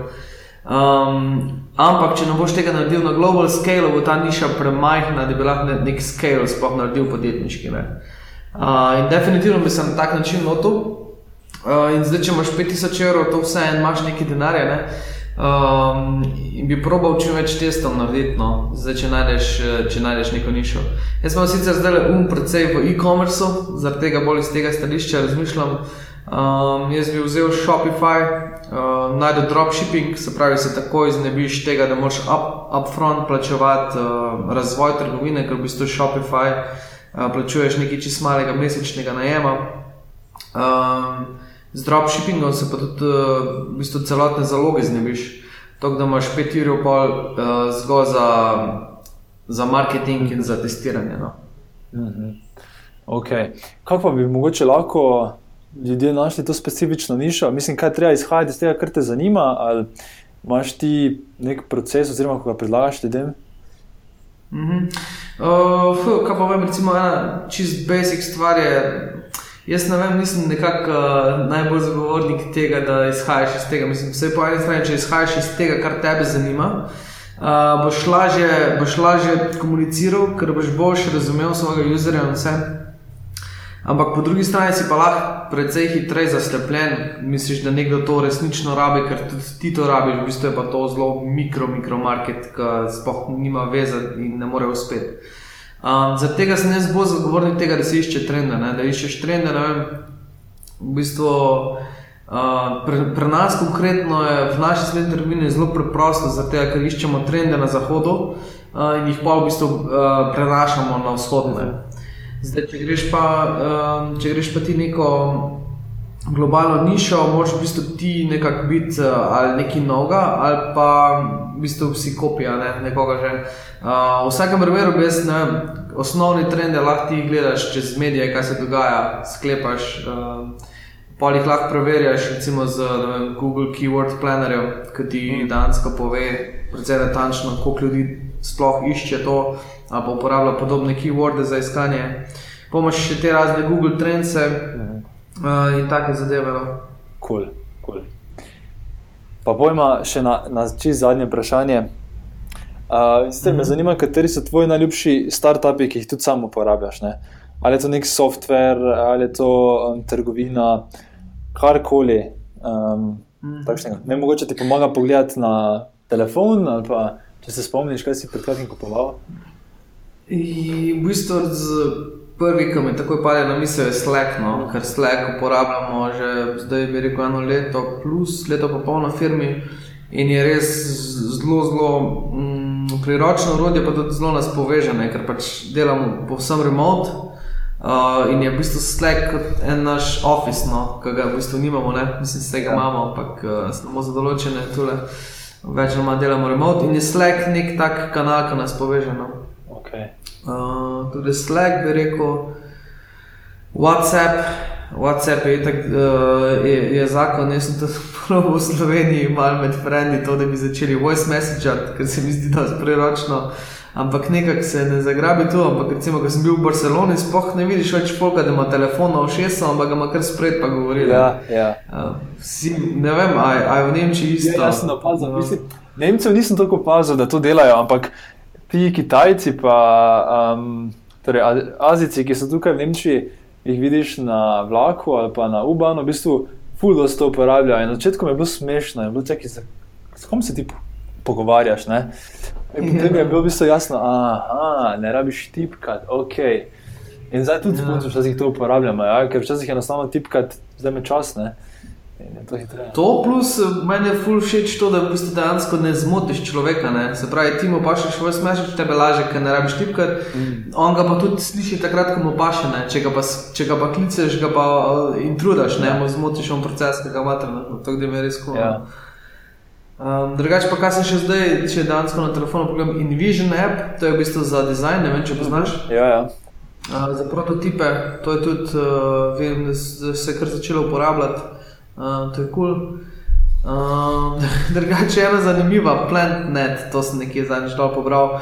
Um, je v bistvu app, uh, ka, to je za naš, naše moderne generacije, ki pojma več nimamo, ki smo čisto izgubili stik z naravo. In je fora v tem, da hodiš kje, ne vem, po gozdu ali kjerkoli, pa recimo greš planine. Ja, ja. Uh, ti ta app obljublja, da dansko fotkaš rožo in ti app pove, katera rastlina je to. Ja, ja, ja, kul. Cool. Uh, to, kar bi še rekel, uh, walk me, recimo ti uh, navigacija je kul, tudi ko greš kam v planine, pa v bistvu nimaš signala, dela zgolj na GPS, ne se mape naprej nalodaš. Uh mhm. -huh. To sem tudi dosta že uporabljal, no in mi je prav prišlo. Zakaj pa si od Google Websa ne dovoljš mape naprej? In, vem, takrat mi je en kolega to iz Španije predlagal, da smo skupaj bila in sem pol stakal s tem. Aha. No, to je tudi opcija. Ne? Jaz sem pač fuor od Google Maps, ki ga dosta uporabljam, pa se lepo vse označi mm. moje kraje. Not. In um, lahko v bistvu preden greš nekam si offline uh, area, downloadaš. Ja. ja, ja, to sem zdaj videl, mi je začel tudi sam ponujati nekaj. Ja. Drugač pa pošljem, a ja, pa Blinkist, Blinkist mi je pa, a poznaš Blinkist? Kaj je to? To je pa the best app in the world. Čist navdušen, res evangelist za ta Blinkist. In sicer je to, Uh, eni štiri kolegi so bili, mislim, da iz Berlina, um, ki so bili v bistvu prijatelji že, mislim, da na faksu in so si pač izmenjevali zapiske na faksu, ne? ker pač je bilo vsem lažje. Ne? En je naredil eno knjigo, en je naredil drugo, tretjo in pa so si sami izmenjali, niso rabili si vsega brati. Mm. In pol so šli naprej, vsak svojo službo in vala želiš čim več uh, tega strokovnega materiala, prebrati strokovne knjige o marketingu, biznisu, personal growth in so naleteli na isti problem. Ne? In so se začeli novce spet izmenjevati. In iz tega ven je nastal startup. In je zdaj v bistvu full dober format, um, se pravi, oni uh, naredijo povzetke knjig, takih popularnih marketing, business development, take zadeve. Um, in imaš strukturo narejeno tako, da v bistvu knjigo predelaš v recimo poprečno vem, 10 do 13 minutah. Okay. one povzetke iz knjige, ki so bistveni, uh, plus tega imaš pa še avdio zraven. Ne? To bi v bistvu ti lahko recimo v eni uri štiri knjige predelaš. Mm. Kar je noro. In tu lahko uporabljaš na dva načina. Ali, Oziroma na tri, ne? ali greš res knjigo, pač sam čez Blinkist prebrati, in ti je že to dovolj, ne, da dobiš samo neke ideje, ker jaz ponovadi iz knjig dosti dobim samo tiste ideje, ne rabim vsega okrog tistega bufferja, ki nastane. Um, druga zadeva je ta, da lahko, če si že kakšno knjigo prebral, da s pomočjo tega zelo hitro osvežiš, one key pointe. Ja.